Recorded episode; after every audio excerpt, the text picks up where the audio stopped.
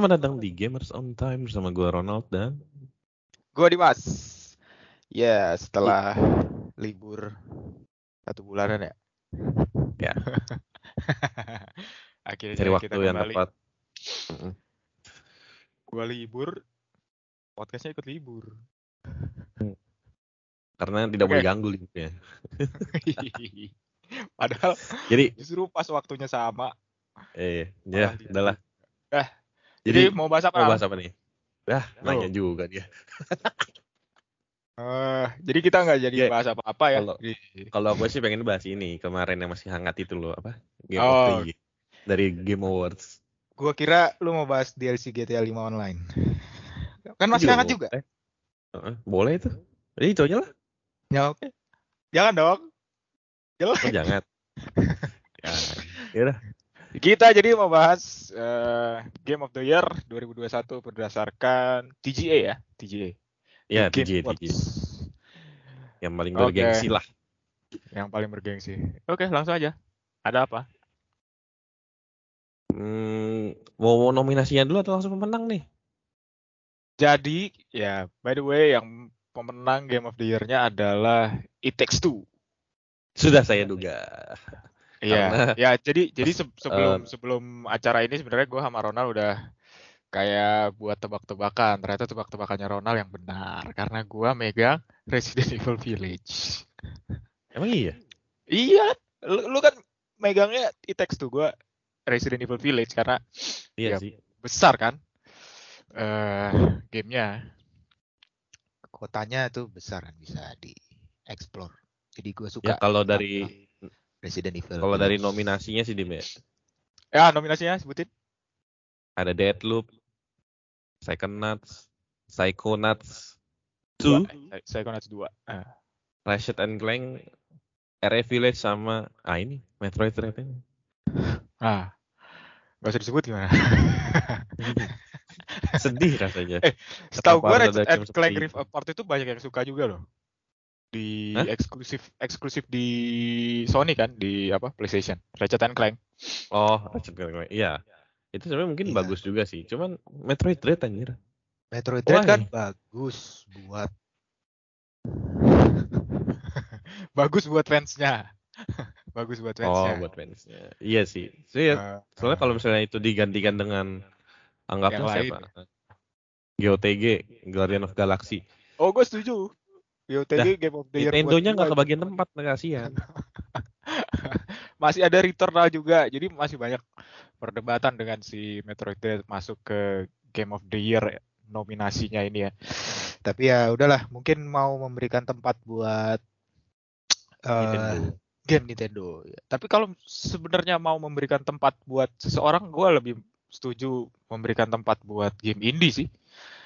Karena game indie tahun 2021 lumayan menarik.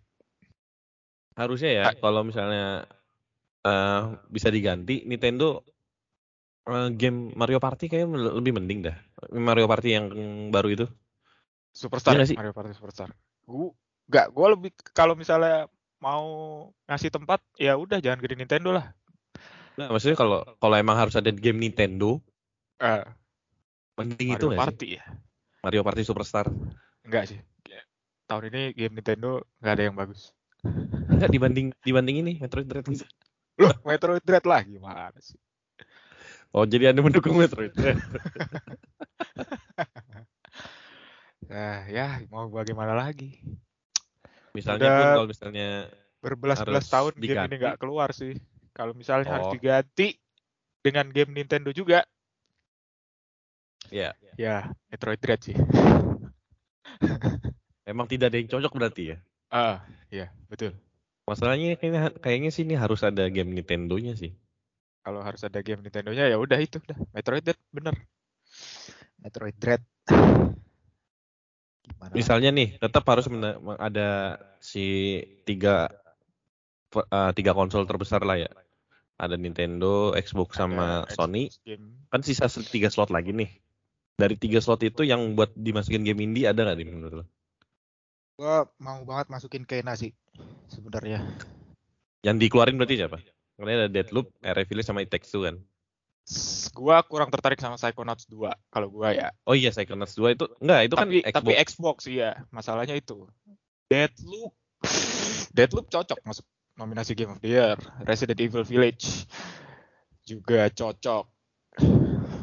Terus Berarti emang bebannya itu ada di Metroid Dread. Metroid Dread sama Psychonauts ini ya. Iya. Kalau gue ya, Psy- itu kalau gue Psychonauts itu bisa diganti Horizon 5 loh. Iya ya, bisa juga ya.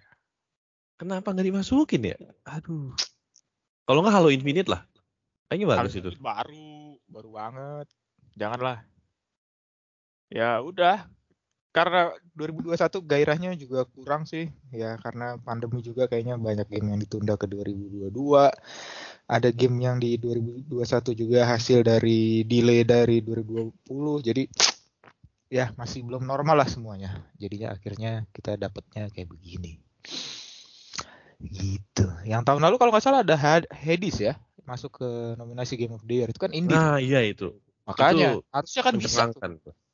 Heeh. Entah kenapa. Ada Nah, apa yang dipikirkan oleh orang-orang ini.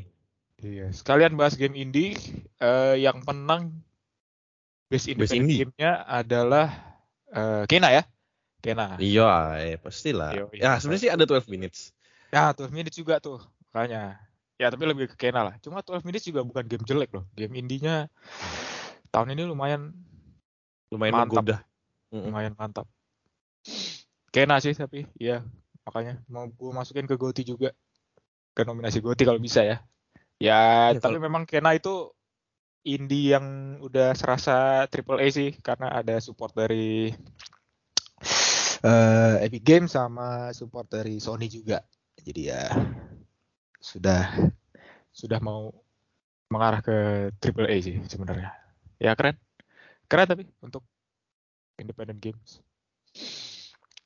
Lanjut, Nah, ada lanjut. apa? Dan tadi kan bahas-bahas ini nih, GOTG kenapa nggak masuk? Nah, dia Hmm. tapi menang di best naratif ya kalau salah ya. Ya, gua gua setuju lah. GOTG tuh bisa menang di mana aja kalau buat gua. Emang karena gamenya udah bagus sih itu. itu. Bagus. Eh, pokoknya GOTG eh, Guardian of Galaxy Game of the Year buat gua udah pokoknya 2021 ini karena Gua sih, dari nar It takes two sih, benar-benar. It takes two kalau. Naratifnya benar-benar gue suka ceritanya. Terus di naratifnya itu kita bisa ikut milih milih story yang kita mau kan, ada pilihan-pilihannya. Itu juga bisa bikin kita nge-replay gamenya, jadinya main ulang. Kalau kita milih yang ini, nanti hasilnya ke mana gitu, kita juga bisa Wow. eh itu. Jadi main lagi New Game Plus-nya. Terus di lagi ya. musik GOTG juga masuk sebenarnya nominasi tapi yang menang Nier Replicant. Hmm, Dia replay kan mungkin bagus sih, cuman ya kita iya, nggak ada yang main sih. nggak ada yang main, bukan game kita lah ya. Sebenarnya game saya, cuman Oh, mahal aja. terus di art direction itu sebenarnya GTG juga bisa tapi nominasi aja nggak masuk. Yang menang Deadloop. Eh, habis Sama tadi satu deh. Hah? Apa sih ini namanya? apaan? Bentar. Saya lupa. Cari dulu. Oh, best action adventure-nya dong. Best Action Adventure-nya GOTG masuk nominasi, gue nggak mau nyebut yang menang siapa. Gue mau arahkan ke sana biar lu sebut ya kalau mau disebut anjir. Gak mau. eh ya yang menang Metroid Dread ya. Best Action Adventure Game. Oke. Itu sih harusnya gue gak ngerti lah. RF Village juga masih lebih bagus itu. Menurut gue ya. Menurut gue. Menurut gua. Mungkin karena belum belum main, jadi Ya gue main dah. Rasanya jelek. Iya udah gue main. Abis ini gue beli Metroid Dread. Best Family Game Sama- ya It Takes, It Takes Gue mau ya. shout out sih. Apa? Satu Shout out. game Tales of Arise. Ini mungkin eh, penggemar JRPG doang. Itu masuk tuh? menang best role playing game. RPG ya, best RPG. Oh. JRPG. Eh, ya Tapi kan dia best segelintir RPG orang kan. lain. Kenapa? Ya best RPG kan yang menang. Iya, ha. Nominasinya ada Cyberpunk 2077. Oh, ada Cyberpunk. Oh, Cyberpunk masuk ya? Baru Ya, kemarin. Cyberpunk maksudnya yang 2021 karena kan dia rilisnya November ya, November 2020 ya. Jadi masuknya ada. 2021 MRI, terus MRI, Nexus. Scarlet Nexus sama Shin Megami Tensei 5. Ya sayang sih Cyberpunk gamenya eh, apa ya Gak dihancurkan optimal oleh sebenarnya. Lebih gak optimal. Dihancur- ya dihancurkan oleh eh, kapitalisme developer ya. Eh, Publisher apa dev- publisher sorry, developer? sorry publisher. Inilah apa? eh, dari ini apa namanya? Investor-investor itu loh. Ya stakeholdernya, stakeholdernya. Seharusnya kan Cyberpunk 2007 2077 ini, eh 2077 ini eh, memang kata developernya harusnya rilisnya 2021. Ya, harusnya Memang optimalnya segitu, cuman dipercepat lah. di harusnya di Q1 2021 lah, mungkin bulan Maret atau bulan Februari 2021. Tapi ya ya sudah namanya mau dapat uang banyak. Padahal ceritanya waduh, Bagus loh, ceritanya, ceritanya bagus. benar bagus sih. Sayang gamenya Jarang harus hancur. jarang gue main game bisa sampai selesai gitu. Iya, ya, lu Zelda aja nggak kelar sampai sekarang. Nggak, emang nggak pengen kelarin aja sih. Oh, nunggu yang baru baru mau kelarin ya. Nggak jauh dah. Bagus tau. Aduh. Lu Iya, terlalu suka sama Zelda malah ya, jadi nggak mau dikelarin ya itu ya. Iya, nggak mau Terlalu dikelarin. sayang ya, terlalu sayang ya. Terlalu Iya. terlalu disayang Zeldanya. Terlalu sayang sama linknya apa sama Sama game ya? Sama Bokoblin. sama kuda-kudanya gitu. Kayak sayang aja gitu. Iya, memang. Ya itu itulah namanya game bagus. Cyberpunk ini Udah, apalagi yang dibahas nih dari Game Awards. Game Awards yang menarik juga itu sih buat gua sangat menarik ya. Eh, best performance. Best performance. Oh, Itu isinya biasanya eh, karakter orang-orang yang meranin karakter-karakter di game biasanya. Eh bukan biasanya, memang itu isinya. Ada Giancarlo Esposito itu yang jadi siapa penjahatnya Anton di Castillo. Far Cry 6. Anton Castillo. Anton, ya gue nggak main sih tapi keren lah. Giancarlo Esposito kan aktor terkenal di Star Wars juga dia main. Sorry bukan di Star Wars apa? Ya Star Wars tapi yang ada di Disney Plus itu lah. Gue lupa judulnya. Oh, ya ya ya. Mandalorian, Mandalorian. Ada di Mandalorian. Eh, terus ada yang jadi karakter utamanya Deathloop sama Cold Fan sama Juliana itu dari Deathloop semua. Terus yang menang adalah yang jadi Lady Dimitrescu. Itu Maggie Robertson namanya. Emak ya? Saya kira masih Dari muda. game. Dari game Resident Evil Village. Tuh, ya karena kebesarannya jadi dia menang di best performance. Ya, jadi banyak favorit Ya, gamer lah. memang bagus lah bagus.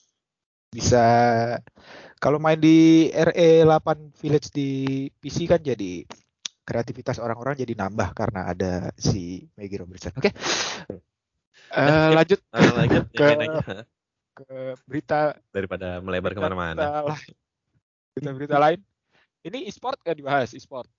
Ada di juga nih. E-sport, base e-sportnya sebenarnya lagi ya. rada dipertanyakan sih kenapa LOL, cuman ya orang luar mainnya LOL sih banyak kan. Iya, Bang League of Legends eh playernya paling banyak sih di dunia ya. Padahal sayang aja sih kemarin pas momennya eh Dota 2 di internasional lagi kembali lagi kan, lagi rame-ramenya. Tapi yang menang LOL ya udah terus best e-sport playernya dari pemain CS:GO ya. Simple. Oh, ya gue pengennya yang menang si collab sih dari Dota 2 juga. Pengennya. Karena memang sampai sekarang kalau main Dota tuh pakai hero itu udah ingetnya dia udah gitu lah. Oh, Sampai astaga sekarang baru inget. Siapa itu? Magnus. Hero-nya siapa ya? Oh iya Magnus anjir. Dari tadi collapse siapa ya? Collapse ya, collapse ya. Itu. Oh iya anjir Tapi sekarang kalau main ya. Dota pakai Magnus, ingatnya Ingat Collapse, aja. ingatnya dia udah pasti. Jadi ini ada hubungannya dengan final TI kemarin ya. Gak finalnya doang. Jadi selama turnamen itu kalau si Collapse pakai Magnus, Pakai udah, Magnus. kelar gamenya. Ya, maksudnya kelihatan banget di final udah akhirnya. Kan Ya, soalnya di Magnus itu pas mulu ya. Di final lebih ke lebih tersorot sih. Jadi eh, ya sudahlah. Harusnya bisa Collapse. Ini bentar, ini berarti semua pemenang ini based on vote berarti kan? Jadi gini, eh buat info, jadi bagaimana cara si nomine-nomine ini terpilih di Game Award itu? Jadi si The Game Awards-nya ini milih eh, juri dari internasional dari semua negara, lebih dari 100 katanya, itu media dan influencer, gitu. Jadi dipilih berdasarkan media sama influencer ini dipilih berdasarkan eh, historinya mereka sama sekritis apa mereka eh, mengevaluasi sebuah game lah gitu. Jadinya influencernya juga kan yang influencer-influencer game jadinya Ya. dipilihnya gitu. Terus eh, kayak biasa voting kayak pilih, milih milih pejabat voting habis itu yang menang siapa ya udah jadinya begitu. Terus eh, pemenangnya dipilih berdasarkan 90% dari juri tadi, 10% dari fan. Oh gitu, 10% doang Gitu. dari fan 10%-nya ada dari fan. Tapi yang milih nominasinya eh, tadi Iya. juri. Nah, nominasinya Dari udah juri. ada.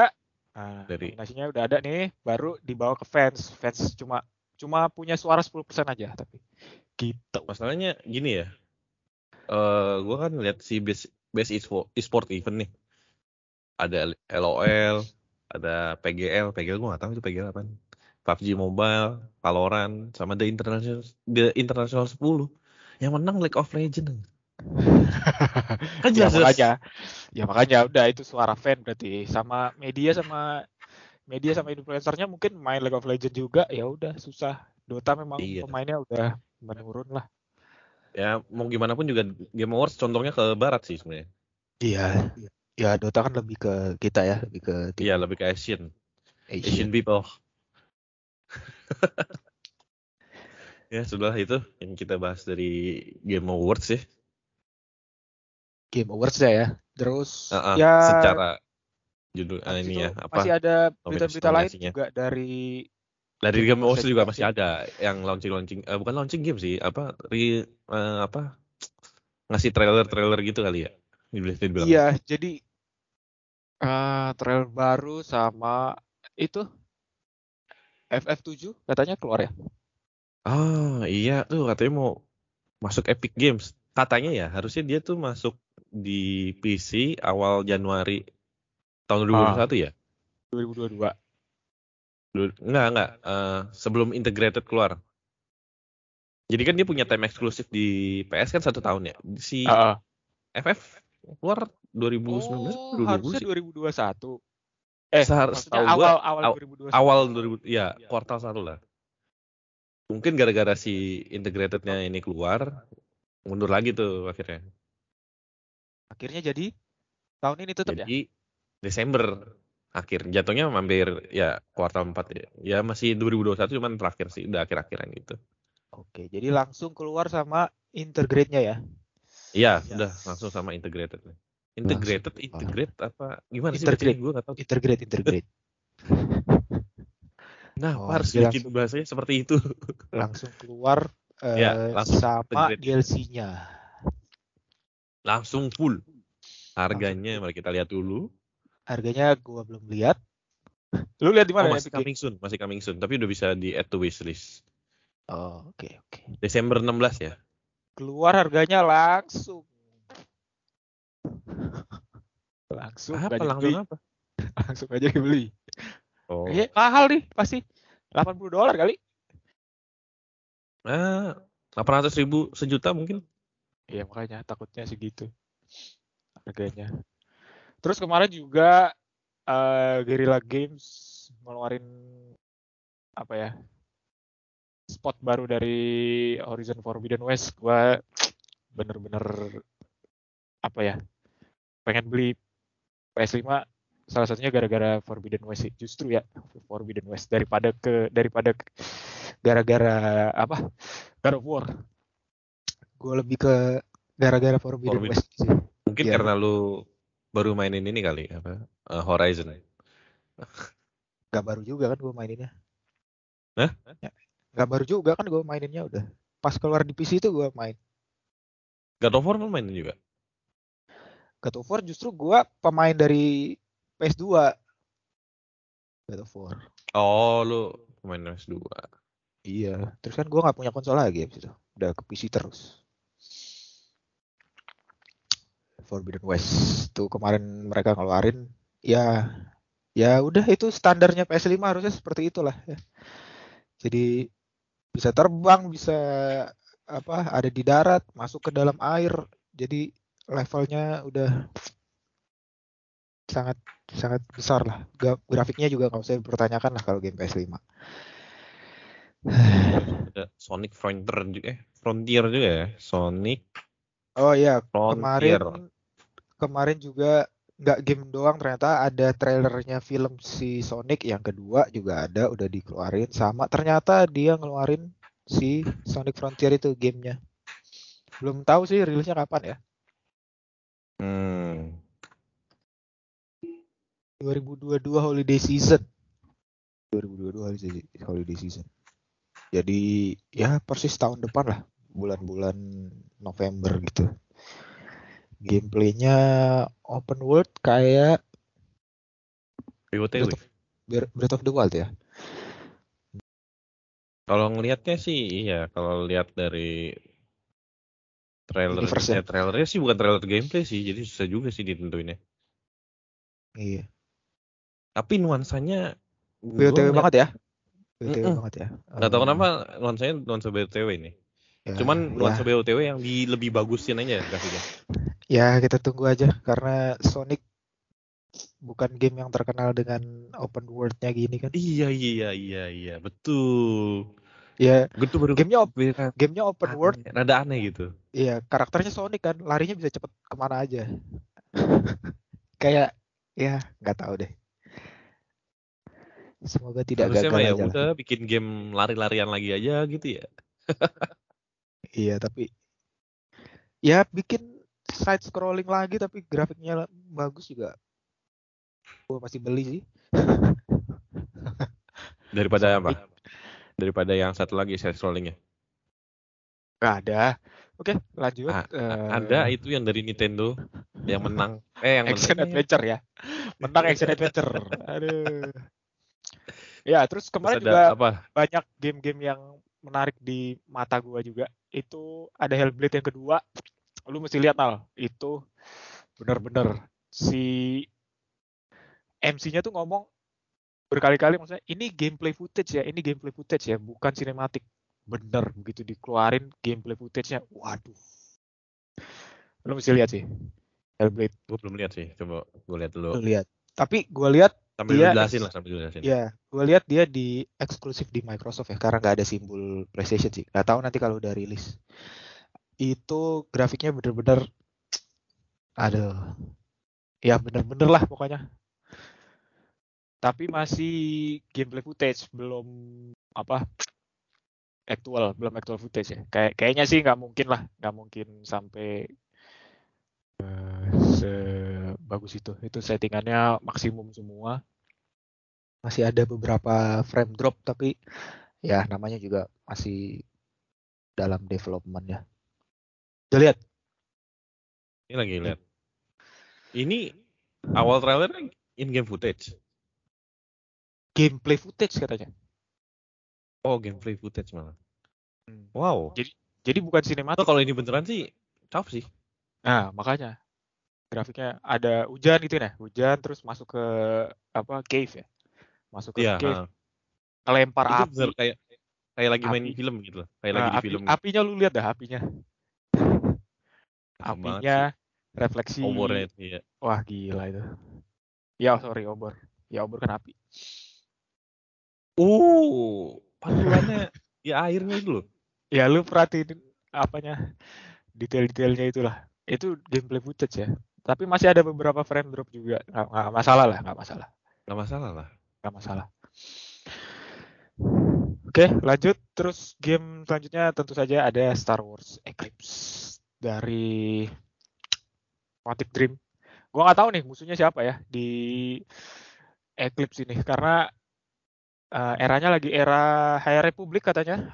Era High Republic itu buat teman-teman yang nggak tahu eh, itu era damai. Makanya gua lumayan tertarik karena ah, ceritanya apa yang mau di mau diangkat.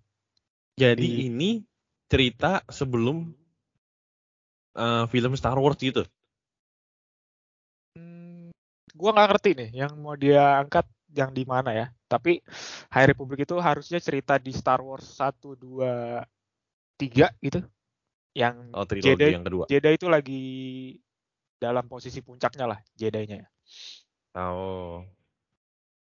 Iya, gua nggak tahu yang mau diambil ceritanya tentang eh, Order 66 atau apa. Jadi Jedi ini masih banyak terus musuhnya gua eh, nggak nggak nggak begitu tahu sih.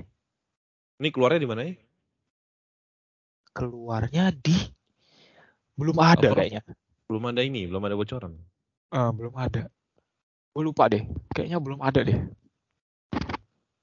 Ya, gua harap keluar di PC juga lah. Dia nggak ada. Masih trailernya pun masih bilangnya masih not actual gameplay. Sinematik masih masih sinematik Ah. doang itu. Saya kaget lihat ya loh, bagus sekali. Ya, Ternyata menarik lah. tulisan terakhir-terakhir not actual gameplay. Masih sinematik itu. Terus eh yang menarik lagi buat gua ada Suicide Squad. Wah itu sih nggak tahu kenapa gue kurang menarik ya kalau misalnya susah susah susah squad Suicide Squad ya. Kenapa? Kurang menarik kenapa? nggak tahu ya kan nggak nggak gitu menariknya ya Kurang Tidak- aja kali lu. nggak ngelirik aja mata gue jadinya kalau oh susah Ah. squad oh ya udah gitu doang jadinya Iya, barengan sama sih game WB juga ini harusnya WB kan dua-duanya Harusnya sih Suicide Squad WB ya. Nah, yang satunya lagi baru Wonder Woman nah itu juga agak gue cuman agak ngelirik dikit oh yaudah langsung jadi Oh. gitu, nggak gitu menarik ya nggak tahu kenapa ya Marvel fanboy berarti lu. hmm, Spider-Man lebih ke Spider-Man sih kalau Spider-Man Marvelnya doang ya. Spider-Man. Spider-Man-nya doang Heeh. Wonder Woman itu gua nggak tahu mau gimana nanti gameplaynya karena game-game DC ini eh apa superhero DC ini ag- agak susah bikinnya kan karena sisi superhero mereka lebih apa ya terlalu besar gitu loh dibanding sisi aliasnya mereka sebagai manusia biasa itu sih Oh, makanya porsi makanya porsi dari- sebagai superhero-nya Iya. gede. Iya, dari dulu gamenya itu tentang si Batman, kan? Itu sampai menang Game of the Year juga itu karena ya yang diangkat adalah si Batman yang posisi manusia sama sebagai hero-nya tuh Iya, ah, Hmm, ngerti. Apa ya? Maksudnya dia itu Lebih- Batman. Dia itu Lebih banyak Batman. diangkatnya sih Batman ya, bukan si Iya. siapa? Bruce Wayne-nya. Itu Bruce karena memang, heeh. karena memang begitu. Dia itu Batman. Bruce Wayne cuma eh apa ya? Kalau dia datang ke pesta aja. Jadi waktu itu di filmnya juga kan kayak gitu jelasinnya. Batman eh, apa Superman itu eh Bruce Wayne itu eh udah udah topengnya dia gitu. Jadi dia itu Ya. menganggap dirinya udah sebagai Batman-nya itu. Ya makanya game Batman tuh selalu eh, menarik. Makanya kalau ada superhero lain yang dari DC mau diangkat, gue lumayan mau lihat game gimana ceritanya sih. Kalau Wonder Woman eh ah, sorry, Wonder Woman itu wujud manusia nama berarti siapa? Nama nama nama aslinya lah. Wonder Woman Diana Prince. Diana, Kalau misalnya bisa diangkat juga ya. Maksudnya porsinya sama lah. Atau mungkin 30 70. Menarik sih mungkin. Soalnya kan kayak gue mainin Spider-Man kan ada sisi pas lagi si Peter Parker lagi jadi manusia eh, jadi Peter Parker gitu. Ada juga jadi Spider-Man gitu. Setahu gue, seingat gue gitu ya. Iya iya. Ya cuma kan simpelnya eh, kehidupannya si Peter Parker kan apa ya masih sekolah gitu ya. Masih Ya, iya. Habis itu dia berubah jadi Spider-Man. Nah, kalau Wonder Woman dia banyak kalau sebagai Diana Prince-nya dia sebagai kurator banyaknya kerja di museum gitu kurator. Kurator seni. Kurator alat-alat barang-barang historical gitu kalau Diana Prince ya. Gitu. Ya kita tunggu aja. Kemarin belum ada apa-apa baru modelnya Wonder Woman doang. Emang baru trailer doang ya. bukan trailer malah itu teaser doang gitu Oh teaser. teaser doang. Itu. Tapi ada satu game game. Oh dari WB juga, tapi udah demo ini. Udah demo ya. Ya itu apa GTA 5. bukan WB dong itu Bukan. GTA Online maksud gue. Aduh, kenapa dia ngeluarin DLC-nya di GTA Online? Gue masih sakit hati dengerin maksud.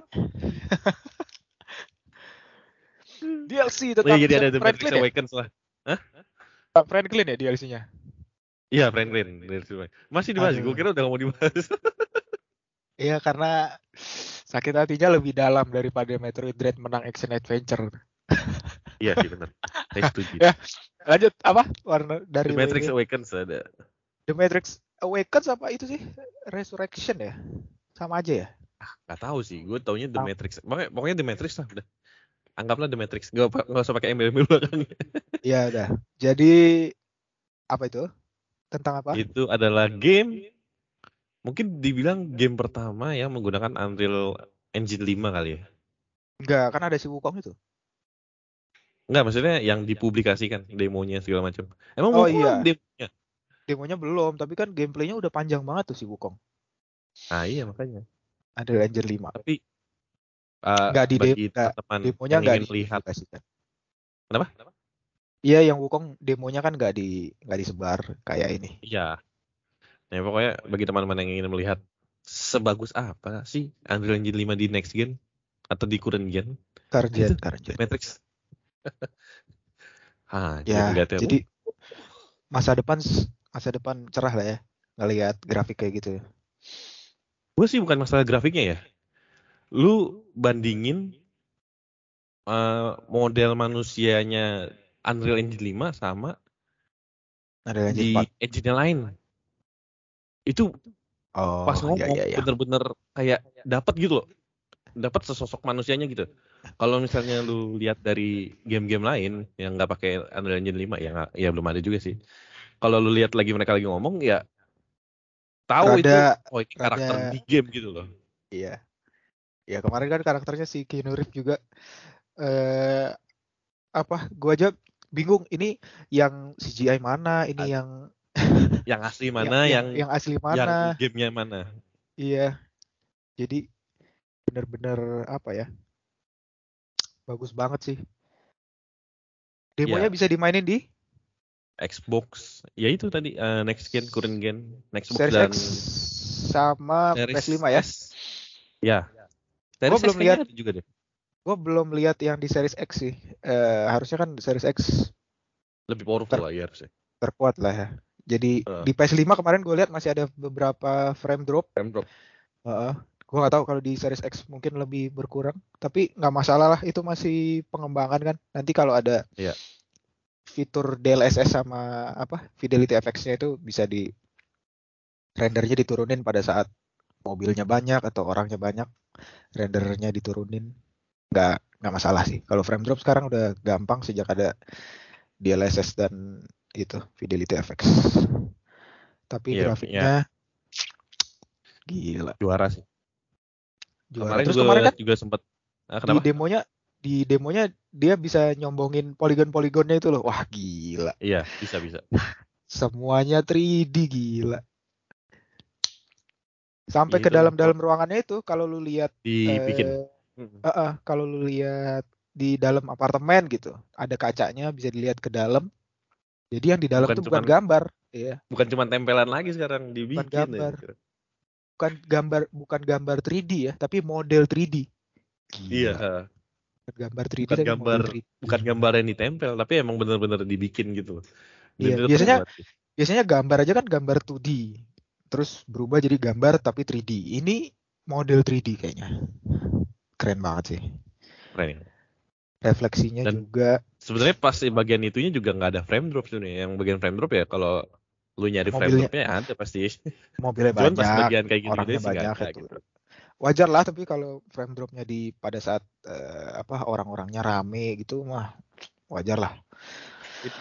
Iya sih. Mobil ya tapi itu sneak peek dari Adel Angel 5 bisa dimainin berapa jam gitu apa ada peraturannya apa bebas Oh nggak tahu deh kalau itunya. ya. Cuman mungkin Tapi- bebas sih harusnya. Kayaknya sih bebas sih.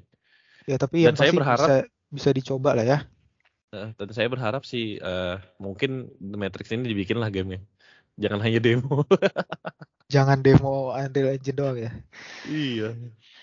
ya mudah-mudahan Soalnya udah ngarep aja ngeliatnya. Waduh, bikin kayak bikin kayak gitu. Itu bener-bener lagi-lagi kayak nonton film ya Nonton cutscene, bukan kayak nonton cutscene game lagi, tapi kayak nonton, Nonton- film. Nah, nonton cutscene sinematik ya iya. gila Supaya Gila itu eh, teknologi yang digunakan untuk bikin mod- model manusianya itu sih cakep sih gue bilang. ya memang Unreal yang- 5 kan eh apa ya dia salah satu yang yang diunggulin, itu kan Diunggulin. Mm-mm. Iya, meta human bilangnya. Meta Eh, human gimana sih meta human ya? bagaimana dia capture apa gerakan manusianya segala macam Iya, Di- bener-bener. Iya kalau gue lihat di beberapa gerakan sih masih ada kakunya, cuma masih ada patah sedikit tapi sedikit doang Iya. lah.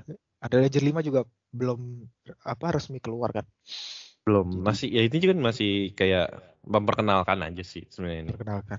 Ya itu masa depan yang cerah sih kalau Iya. mereka memperkenalkan kayak gitu. memperkenalkan gimana Unreal Engine itu berjalan di eh, hardware hardware next gen, eh, golden gen. Gila, berarti optimal banget ya. Maksudnya, Mungkin Ini kan- sudah wah Optimal. gila sih tapi.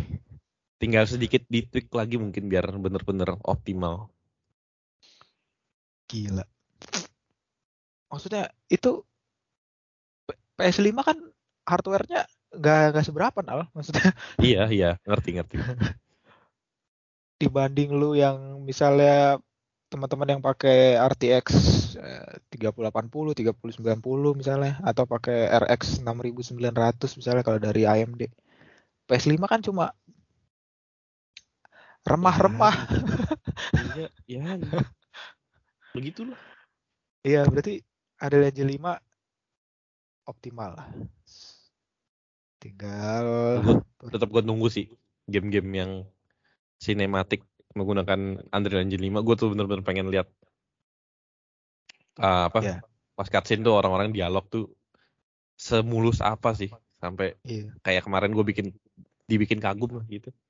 iya terus mereka mereka pakai apa perkenalannya pakai Matrix lagi. Matrix itu kan kita ada di dunia Iya. hayalan ya. Jadi Ada dunia hayalan iya. bebas banget itu lu mau hmm, di kota itu lagi perang tiba-tiba muncul Disneyland di tengah-tengah kota juga terserah karena karena ya karena Matrix kan.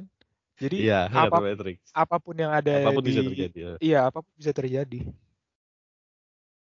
gitu makanya mau tiba-tiba di pinggir dari gedung-gedung tiba-tiba jadi pantai juga terserah maksudnya Cuman satu Terus. kelemahannya menurut gua airnya jelek.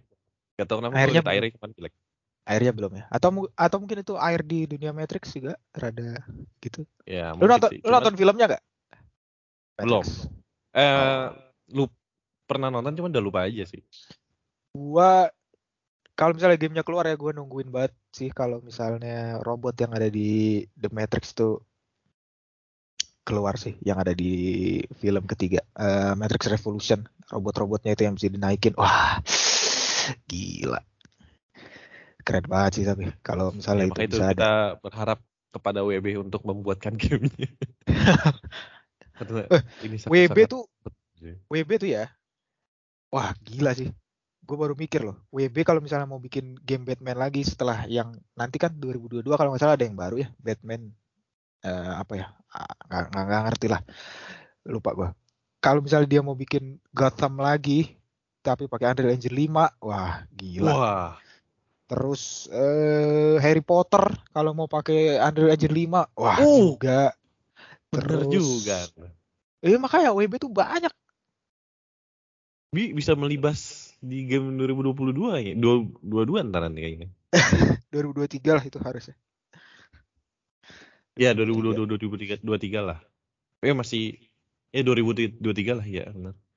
Ada Iya. Wonder Woman, ada Suicide Squad, Ah, Ada Wonder Woman mungkin pakai. Unreal Engine 5 masih bisa. Kalau Suicide Squad kayaknya kemarin soalnya udah keluar gameplay sih. Jadi kayaknya nggak pakai Unreal Engine 5. Oh, berarti udah Wonder ya. Woman yang mungkin bisa pakai eh, Unreal Engine 5 ya. Kalau Harry Potter kan udah keluar gameplay belum sih? Harry Potter kalau nggak salah kemarin dipegang Ubisoft jadinya. Oh. Lah jadi Iya. WB. Ya. kalau nggak salah ya. Kalau nggak salah ya. Unreal Engine 5. Eh Unreal Engine 5 Ubisoft. Ya sudahlah kalau gitu. Tuh. Apalagi yang Ya. bisa kita bahas? Tadi kata lu apa? PUBG. Oh iya PUBG bagi teman-teman yang pengen Tambahan main doang ya? PUBG. Nah ini Tambahan sekilas doang. Bisa pre-register di websitenya PUBG kalau salah. What? Eh, untuk main game, eh buat main gratis, play for free. Cuman play for free, eh, play for free-nya itu terbatas ya. Jadi nggak bisa uh, ran- ranked kalau nggak sama nggak bisa custom.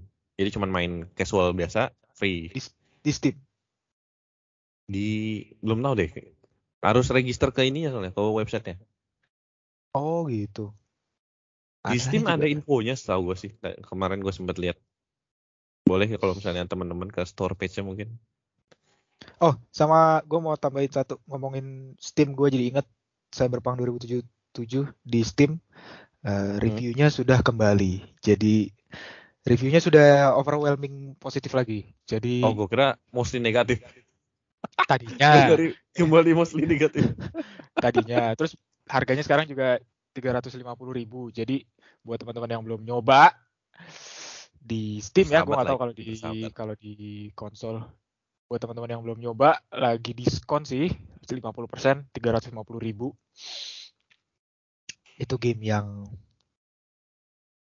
eh, lumayan memorable lah Iya, bugnya, bugnya. iya, iya. Ceritanya, ceritanya bagus kok. Bener-bener Saya, bagus. saya udah mengharapkan Anda melihat memorable ceritanya gitu.